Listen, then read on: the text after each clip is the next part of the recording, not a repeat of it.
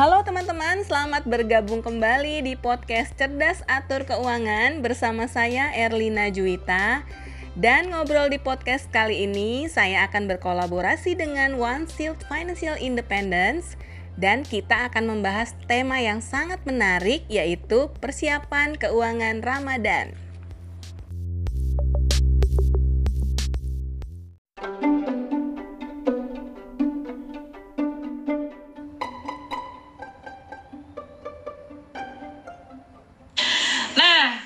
Oke, nah tadi seperti yang kita bahas nih, biasanya masuk bulan Ramadan itu pasti ada euforia gitu ya untuk uh, kita mulai belanja belanja nih supermarket nih udah udah udah udah mulai rame nih untuk uh, eh, belanja belanja persiapan untuk menghadapi uh, Ramadan ya minggu depan gitu kan. Jadi udah belanja belanja untuk udah udah kebayang nih udah bikin rencana oke okay, sahurnya mau apa nanti bukanya mau apa gitu kan.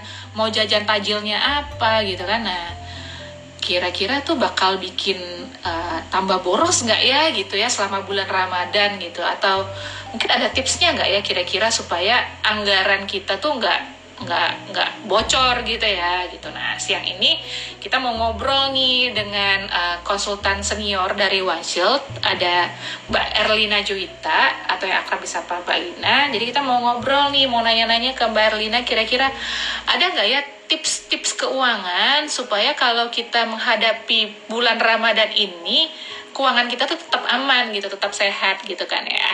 Oke, saya undang dulu ya Mbak Erlina untuk gabung dengan kita siang ini.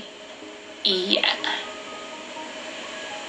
Oke, di sini nih mungkin boleh ketik di kolom komen kira-kira yang dikangenin uh, untuk uh, bulan apa? Halo, siang Mbak Halo. Arlina. Selamat siang Lucy, apa kabar? Baik, baik, sehat Mbak. Mbak Arlina gimana? Sehat? Sehat, sehat, sehat Alhamdulillah. Alhamdulillah ya. Ya. Oke, Mbak gimana nih Mbak? Excited nggak Mbak untuk menghadapi bulan Ramadan tahun ini? Iya pastinya excited banget ya karena kan bulan Ramadan ini buat kita kaum muslim adalah kesempatan kita nih untuk beribadah. Tapi kita mesti waspada juga karena banyak godaan nih Lucy karena kita masih masanya pandemik jadi godaan pasti untuk shopping online dan lain sebagainya untuk menikmati menu-menu masakan ya kan nah ya oke kita akan bahas ya nanti di acara live IG ini ya siap oke okay. uh, buat yang mungkin belum kenal jadi anak ya. sumber kita siang ini uh, namanya Mbak Erlina Juwita atau di akrab bisa dipanggil Mbak Lina ya. Jadi Mbak Lina ini adalah konsultan senior di One Shield Financial Independence dan juga merupakan uh, founder dari komunitas cerdas keuangan. Oke, nah Mbak, iya, kalau Mbak sendiri nih uh, persiapan Ramadan tahun ini gimana ya Mbak? Udah mulai heboh belanja-belanja? Untuk heboh belanja belum, tapi kemarin saya sudah mulai nyicil ini loh sih bahan-bahan yang memang dibutuhin di bulan puasa dan nanti pas lebaran karena lebaran kan karena saya punya anak dua ya, jadi yeah. mereka tuh memang pingin bikin kue sendiri gitu, jadi saya udah beli bahan-bahannya, terutama yang biasanya kalau udah menjelang-menjelang akhir Ramadan itu justru susah gitu dicarinya seperti bahan-bahan untuk kue dan lain sebagainya dan harganya biasanya meningkat makanya saya stok duluan oh pantas gitu. pantas bener hmm. banget kemarin kebetulan saya iya, iya. baru belanja grocery shopping juga nah saya tuh pengen iya. nyari kayak bahan kue kayak agar-agar gitu kan nah, iya, biasanya iya. kan tuh kan bahan yang selalu ada di di supermarket kan dan kemarin Betul. tuh benar-benar habis semuanya mbak stoknya. Oh udah habis ya? Memang gara-gara menghadapi Ramadan ya semua orang tiba-tiba pengen bikin yeah, yeah, yeah. Uh, menu-menu untuk yeah. ini ya, puasa ya. Oke. Iya iya fenomenanya juga kan di Ramadan itu kayaknya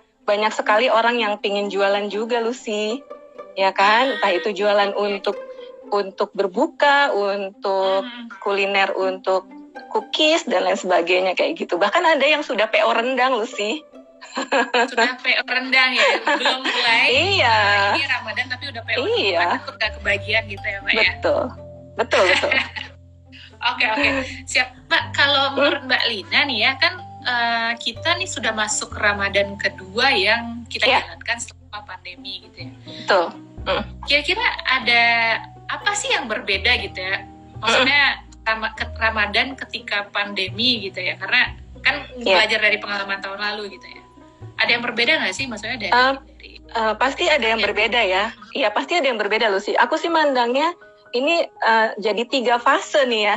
Jadi kan saat kita sebelum menghadapi pandemi kemudian pada saat kita benar-benar awal pandemik itu ya pada saat pandemik itu terjadi di awal-awal kemudian saat ini nih saat vaksin sudah terdistribusi gitu ya.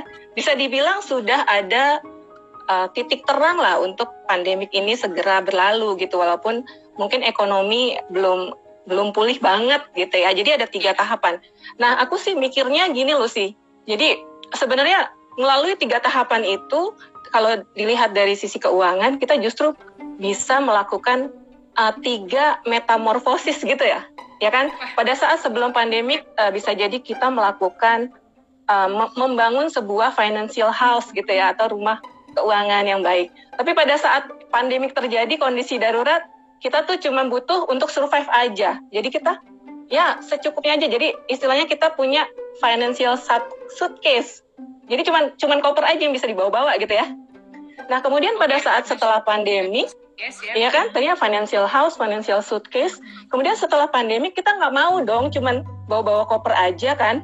Paling nggak kita mau ya, berkembang gitu, kita mau lebih baik lagi. Nah, kita maka itu kita mungkin terpikir untuk kita membangun financial kingdom gitu ya. Mungkin agak lebay tapi tapi uh, tapi itu adalah visi visi untuk jangka panjang gitu. Jadi uh, berkaca dari tiga fase itu saya sih berharap supaya kita bisa lebih baik lagi gitu. Jadi nggak hanya survive aja. Kalau kondisinya kemarin kita ya bertahan aja udah alhamdulillah gitu loh. Kalau yang sekarang diusahakan kita bisa lebih maju lagi gitu, bisa lebih baik lagi.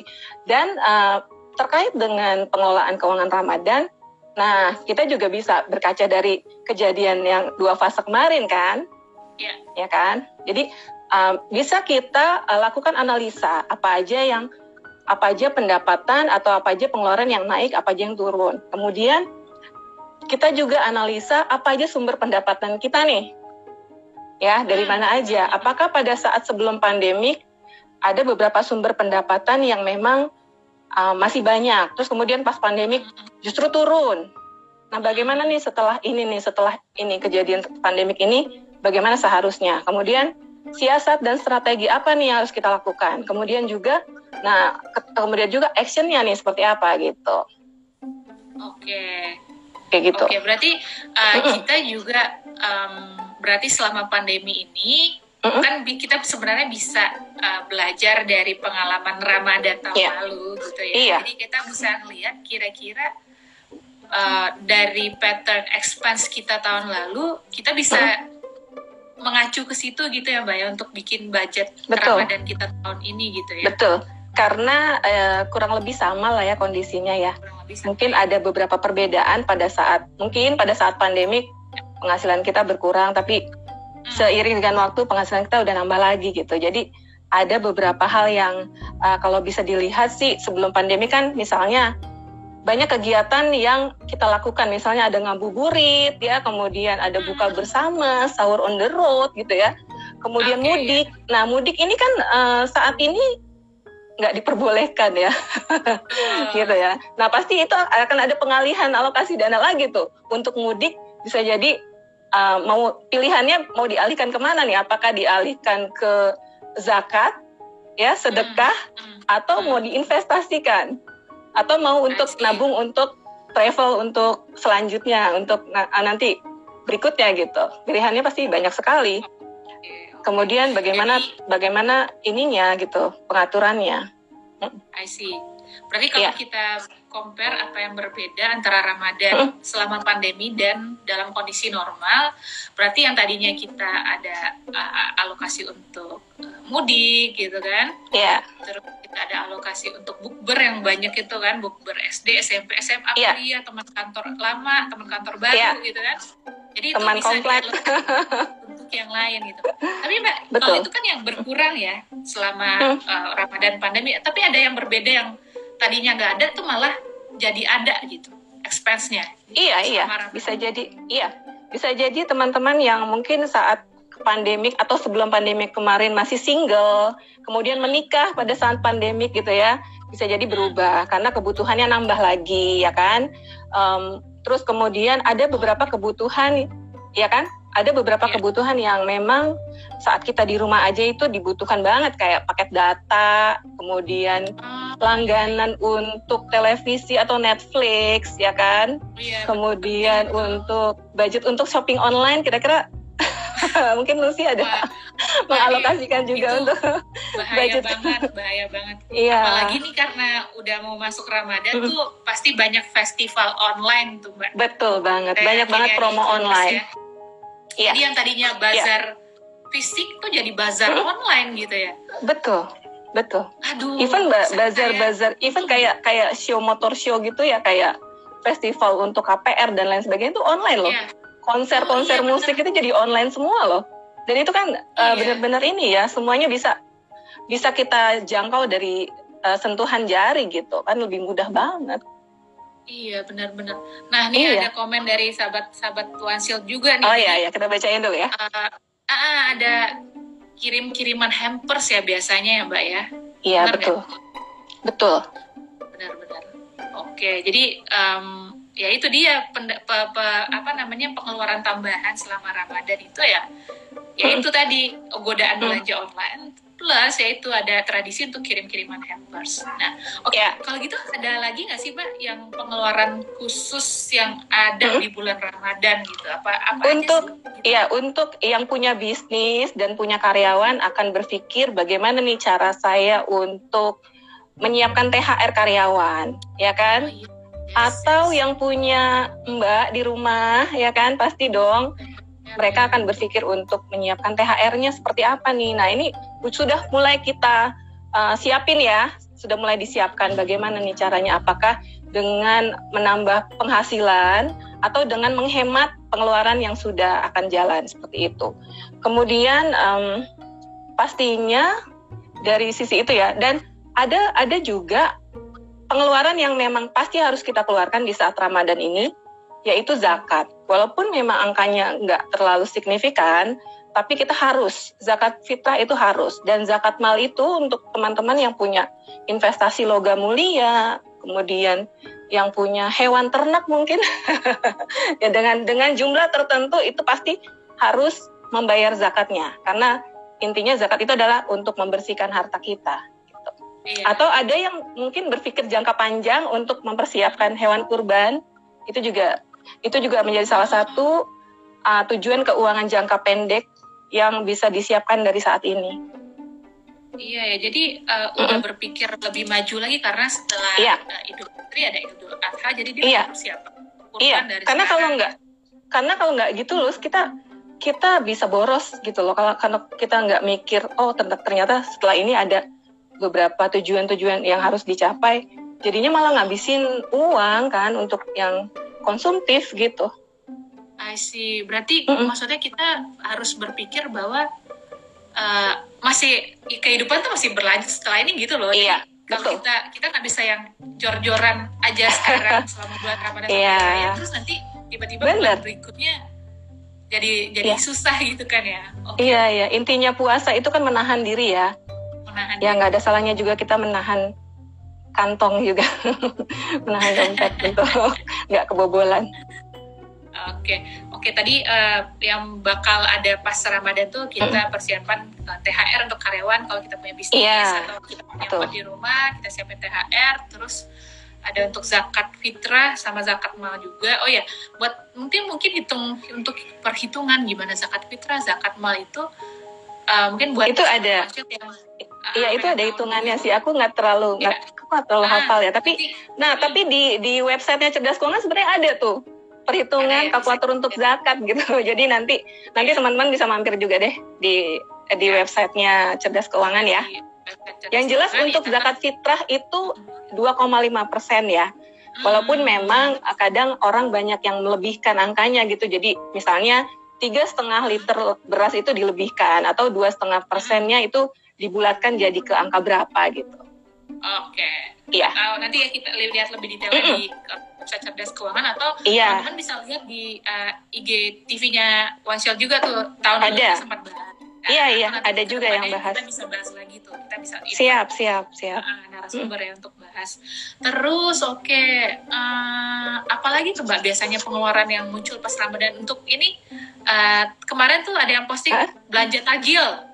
Oh, Itu biasanya ya. belanja tajil. ah. Biasanya gini Mbak ah, Lucy, kalau belanja tajil atau belanja untuk konsumsi Ramadan dan Lebaran itu biasanya kita siapin yang namanya meal plan atau rencana menu menu-menu untuk kita konsumsi gitu. Jadi meal plan itu sangat menolong teman-teman yang memang nggak terbiasa melakukan masak atau nggak terbiasa masak sendiri atau biasanya uh, justru beli di luar. Jadi meal plan itu sangat menghemat. Gampang banget sih bikinnya, tinggal bikin di uh, bisa manual, bisa pakai menggunakan Excel juga bisa gitu. Jadi di diatur aja menunya seperti apa. Oke, jadi kita bisa bikin meal plan tuh misalkan mungkin nggak nggak nggak langsung meal plan sebulan gitu kali ya. Enggak, enggak, seminggu seminggu aja. Meal plan seminggu Iya. nanti kan Iya. ya kalau rajin bikin yang beda minggu depan atau mungkin Iya. ulang lagi juga nggak apa-apa. Iya, iya. Dan itu membuat kita belanja jadi sekaligus kan. Itu lebih menghemat kalau menurut saya gitu. Karena saya perhatikan untuk bulan-bulan mendekati lebaran itu cenderung harga-harga menanjak naik tuh sih. Jadi harga-harga bahan baku, ah, harga bahan baku, bahan Hmm. bahan bumbu-bumbu masakan gitu ya, kebutuhan Iya, pokok iya. itu cenderung naik di um, menjelang lebaran. Mungkin di bulan bulan Mei dan Juni itu cenderung naik gitu harga-harganya. Oke, jadi ini ya untuk sahabat One Shield uh, juga nih tipsnya dari Mbak Iya. Elvina. Jadi untuk uh, supaya untuk menghemat juga dan mengontrol diri kita juga saat kita belanja groceries gitu. Jadi teman-teman bisa bikin nih catatan gitu kan, bikin Iya. uh, meal plan atau rencana mau masak Iya. apa aja untuk sahur, untuk buka puasa, atau bahkan untuk tajilnya gitu kan. Jadi dibikin mungkin kalau rajin selama Hmm. seminggu ke depan gitu ya Mbak ya. Jadi nanti kan ketahuan tuh ya ingredients Iya. apa aja gitu ya. Iya, Itu iya. Jadi pegangan buat nanti belanja ke supermarket gitu ya. Ah, betul, Oke. betul, betul banget. Wah, itu bagus banget tuh Mbak tipsnya Mbak meal plan Mbak. Iya, karena Iya, banyak sekali yang nggak terbiasa gitu melakukan rencana. Jadi ya, secara simpelnya bikin aja meal plan supaya nggak kebobolan. Ya, betul, setuju banget. Nah, ini ada yang nanya nih Mbak, tadi kan kita sempat ngomongin kirim-kiriman hampers ya. Hampers. Apa nih? Ah, puasa lebaran kirim, bisa kirim-kirim. Oke. Oh, sorry, ini pertanyaan dari Mbak Fitri Rahman ini terkait THR. Bisa Iya, nanti kirim kenapa tuh? THR, terus kirim-kirim untuk mertua juga, ipar, Angpau ya. angpau Iya, ya. iya. Iya. Bisa kita, misalkan nih mungkin secara keuangan kita masih mengencangkan ikat pinggang gitu kan. Jadi Iya. kita nggak bisa kirim gitu, baiknya kita info, aduh mohon maaf tahun ini nggak bisa, atau kita diam-diam aja gitu.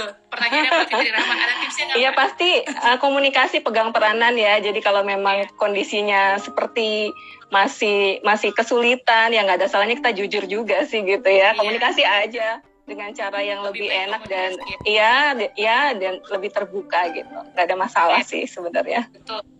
Daripada Mm-mm. pihak yang di sana bertanya-tanya, lu kok tahun ini nggak ada ya? gitu. Yang ada yang kirim-kirim gitu kan. Pandemik Malah gitu ya.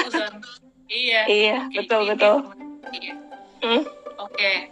Eh, Oke, terus eh, tadi Mbak eh, Lina sempat bahas gitu kan Hmm. eh, sumber dana gitu. Kita sekarang kita bahas dana nih. Eh kita bahas mengenai Oke, sumber dana. oke, oke. Kita udah tahu kira-kira Hmm.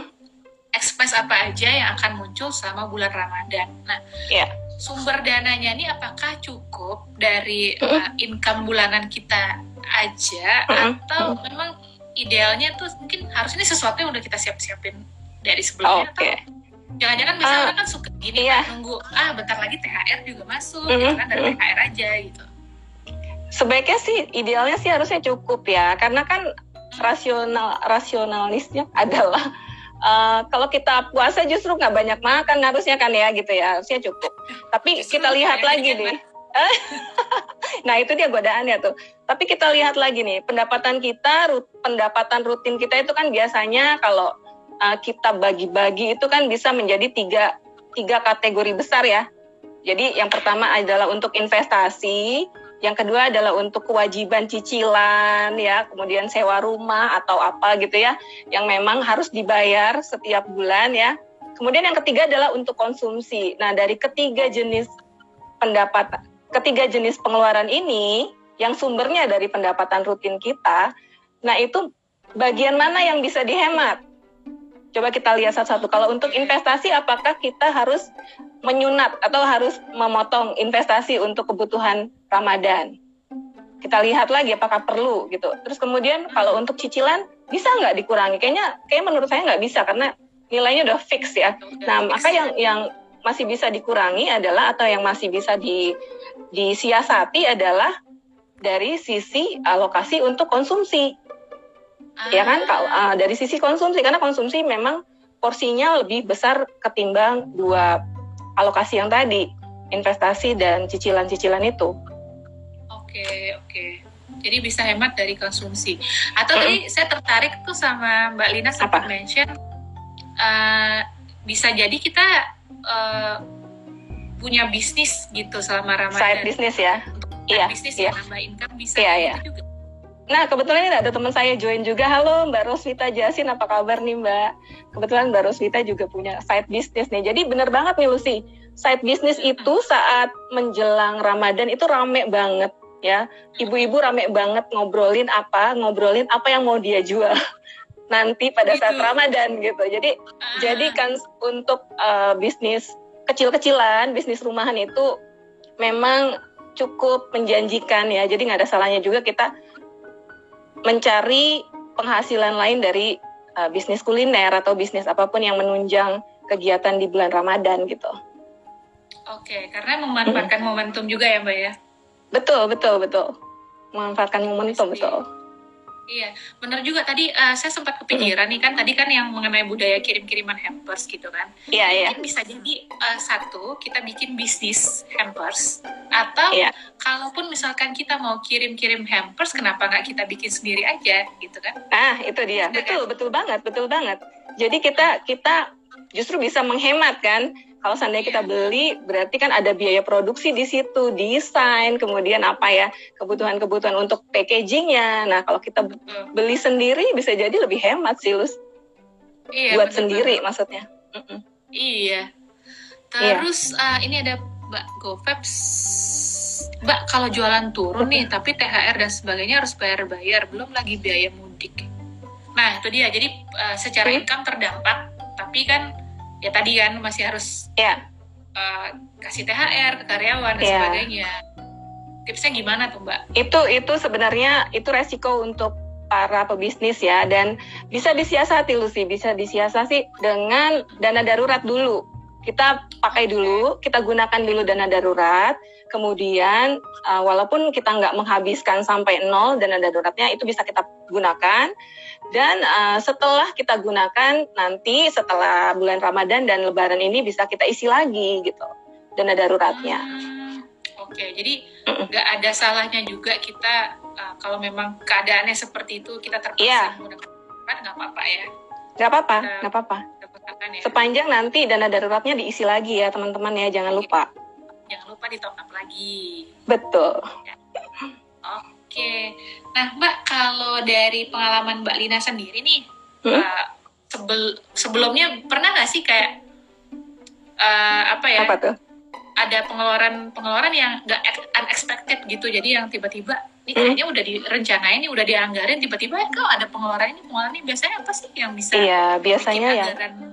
bulan puasa tuh jadi bocor uh, gitu Ya ya biasanya ada aja ya kalau seandainya di bulan puasa nggak tahu kenapa tiba-tiba ada aja biaya perbaikan rumah atau biaya perbaikan kendaraan gitu kan itu kan unexpected um, expenses yang kita nggak bisa duga-duga kan.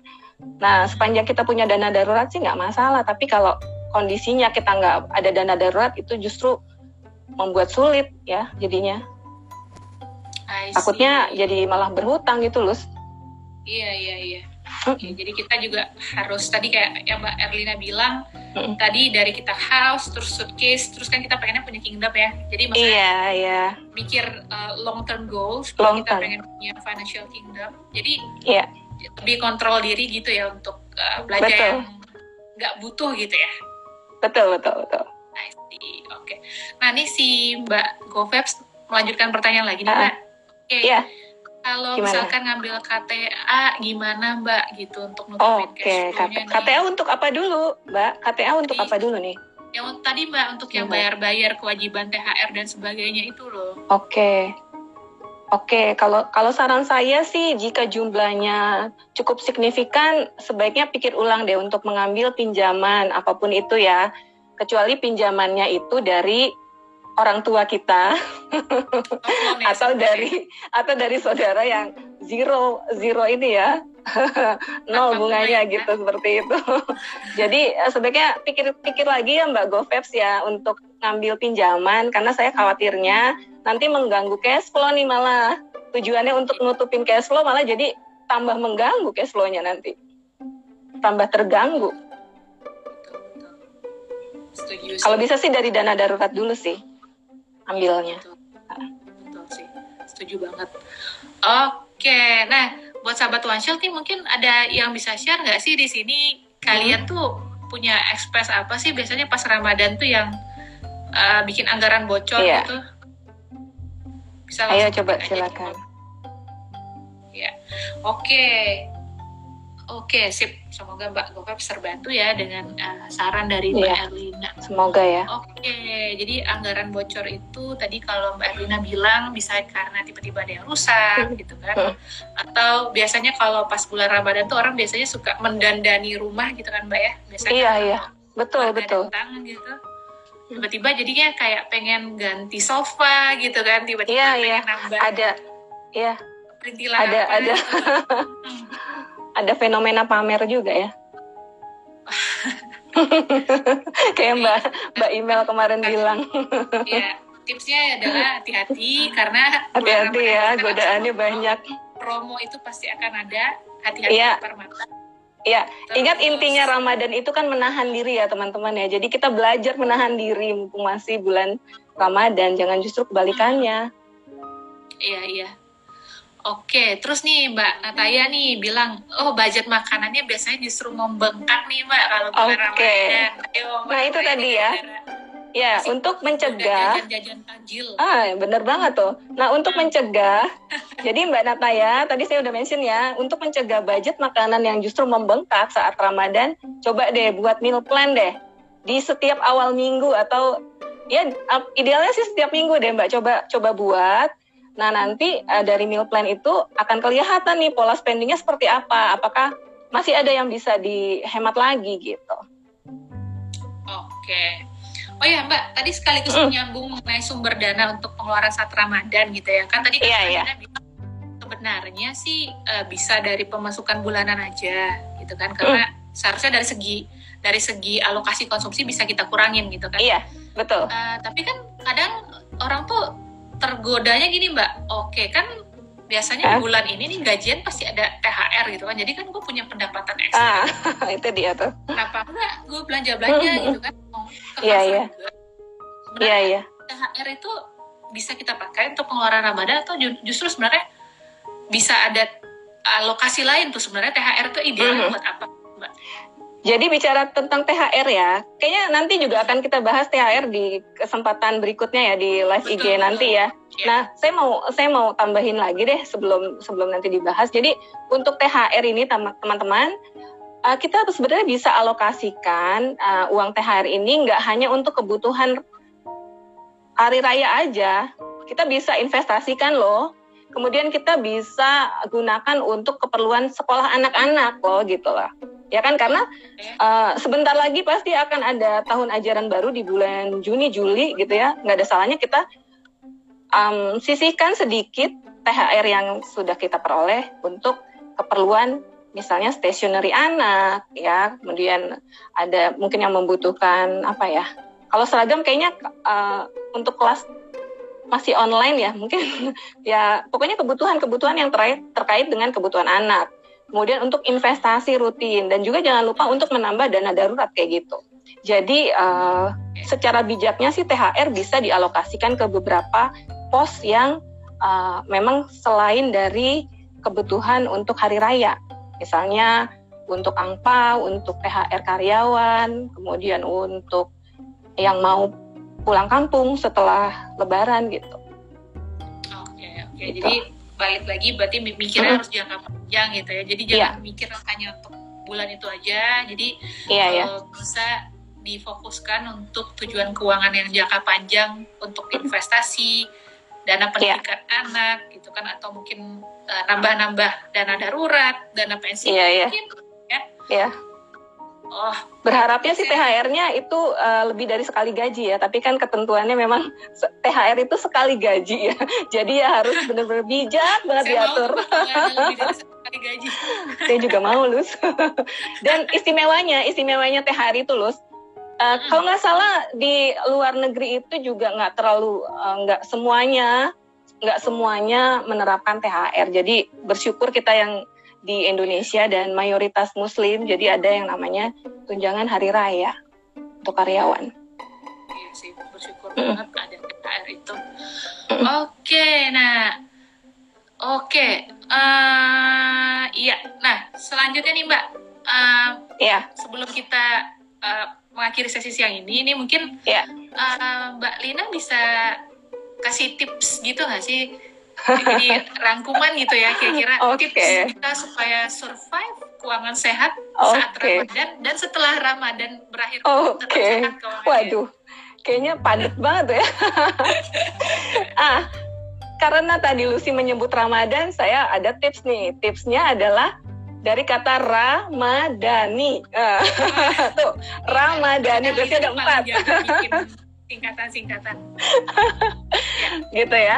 Jadi ranya itu adalah ra Ramadan tahun ini harus lebih baik ya teman-teman. Jangan sampai Ramadan tahun ini malah justru uh, teman-teman uh, pengeluarannya membengkak, keuangan jadi menurun. Jadi yang ra yang pertama adalah Ramadan tahun ini harus lebih baik. Lebih baik dari sisi apa? Lebih baik dari sisi cash flow-nya, lebih baik dari ibadahnya, lebih khusyuk lagi kemudian sedekahnya lebih oh, lebih banyak lagi dan juga investasinya jangan lupa jangan sampai kendor gitu. Kemudian hmm. ma, ma-nya itu maksimalkan sumber pendapatan dan gunakan dengan bijak. Pengeluaran dihemat, jangan sampai boros pada uh, pengeluarannya. Kemudian danya adalah dana darurat biasa. Kalau da itu biasa dana darurat kan. dana darurat uh, sewajarnya ditambah atau justru kalau seandainya mau digunakan, gunakan secukupnya, tapi jangan lupa untuk nambah pundinya lagi, jangan sampai kosong ya. Kemudian nih, nih adalah niatkan beribadah. Karena eh, teman-teman uh, pasti tahu ya. Bulan Ramadan ini adalah bu bulannya ibadah, uh, bulannya kita untuk lebih banyak beribadah dan bersedekah lebih lebih banyak lagi. Jangan berlebihan juga belanja. Karena inti dari Ramadan itu adalah menahan diri dan lebih khusus lagi beribadah. Jadi fokusnya pada ibadah, bukan pada belanja. Kayaknya itu aja tipsnya. Okay. Saya sekalian menghafalkan juga nih Mbak ya. Coba saya ulang lagi ya. Oke. Oke. Oke. Caranya adalah Ramadan tahun ini kita harus lebih baik, baik dari segi uh, yeah. cash flow gitu kan. cash flow. ibadahnya juga lebih baik sedekahnya bisa mm. bertambah lebih banyak gitu kan investnya juga lebih lagi gitu kan supaya bisa yeah. mencapai tujuan keuangan nah ma makanya itu adalah maksimalkan uh, income yeah. yang punya saat ini. Betul. Jadi lebih bijak untuk spending, hemat, hmm. gitu kan. Terus dan dana darurat, dana darurat kalau yang punya, ayo mulai di uh, siapkan. Kalau yang udah dipakai di top up, gitu kan. Hmm. Pokoknya tetap dipertahankan lah ya kondisi dana darurat hmm. yang ideal gitu. Terus yeah. N-nya nih gitu ya, niat. Jadi niat, niat. itu kita mari kita munculkan niat yang lebih baik niat yeah. lebih baik untuk beribadah gitu kan beribadah lebih baik investasi gitu menahan diri Betul gitu banget. kan menghadapi segala macam promo yang bertubi-tubi yang tidak bisa kita kontrol tapi diri kita bisa kita kontrol gitu. yeah. betul okay. banget siap kalau gitu nah oke okay. okay. sebelum kita tutup sesi siang ini mm -mm. mungkin teman-teman yang ada di sini mungkin ada pertanyaan atau mungkin silakan kalau ada yang mau bertanya ya. silakan Ah, ah, nih mumpung ada. Ini ada temen aku nih, ada temen aku nih, beberapa temen aku yang join nih. Ulfa, Ulfa Rangkuti, Ulfa Rangkuti 8, oh, halo, apa kabar? Ini Ulfa di Medan ya. Kemudian ada Wah. Prima Besti, kemudian ada Vivi Hani. Ini kayaknya teman-teman aku nih yang udah lama sekali nggak ketemu nih. halo semuanya teman-teman, apa kabar? Sehat-sehat ya? Ada Mbak Diana Pancarosita. Oh banyak sekali nih. Silakan Iya. kalau ada yang mau tanya lagi mengenai Mbak, ini. kalau eh, iya ya biasanya kan kalau kalau dari pengalaman eh, tahun lalu tuh ada ini nggak sih kayak bukber online gitu ada nggak yang seperti itu jadi makan Bukannya kita udah di melakukan ya? Kita udah melakukan ya makan makan online sama-sama tuh yang martabak. oh iya kemarin ya mungkin bisa jadi ide tuh buat teman-teman bisa jadi bisa jadi ide yang bagus tuh. Bukber- Iya iya. Terobosan menarik gitu, tuh. bareng. Iya. Mm-mm. gitu tuh ada Mbak Ulfa Mbak Ulfa di Medan Iya. gimana kabarnya Mbak Ulfa Iya dia di Medan. Dan Ulfa ini juga menjalani bisnis nih. Dia ada ada bisnis rumahan juga. Pada bisnis rumahan ya. Oke. Ya. Semoga bisnisnya tambah sukses. Amin amin. Gitu ya, Semoga banyak semoga. usahanya. Iya. Oke, kalau misalkan nggak ada pertanyaan nih dari sahabat One Shield, berarti uh, kita akhiri dulu sesi uh, Instagram Live kita siang ini. Uh, nanti kita juga akan punya episode yang akan bahas mengenai gimana sih cara cerdas untuk uh, melakukan alokasi THR. Ya, Iya. yang sebentar lagi akan masuk nih ke gaji ke rekening gaji teman-teman yang Iya iya iya. kerja kantoran nih. Oke, nah nanti kalau misalkan eh, sahabat Wansil punya ide mengenai topik yang akan perlu kita bahas di Instagram Live, langsung kirim eh, DM aja ya ke Instagram Ya. @wansil. Oke, thank you banget untuk Mbak. Sama-sama. Sama-sama Lucy. tipsnya tadi dan tadi singkatan Ramadan jangan lupa. Dan thank you juga buat sahabat Wansil yang sudah join sesi siang ini. Semoga semuanya sehat-sehat, gitu kan, tetap semangat dan eh, selamat menjalankan ibadah Ramadan ya buat eh, teman-teman. Ya. yang- Selamat menjalankan ibadah puasa buat teman-teman juga. Terima kasih Lucy. Terima kasih Mbak. Ya, Terima kasih semuanya. Sehat-sehat selalu. Bye bye. ya sehat-sehat selalu. Bye. Thank you.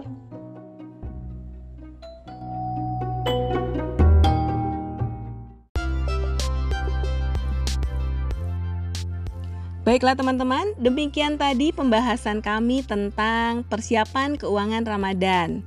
Silakan share link podcast ini sehingga dapat bermanfaat buat yang lain. Saya Erlina Juwita mohon pamit undur diri.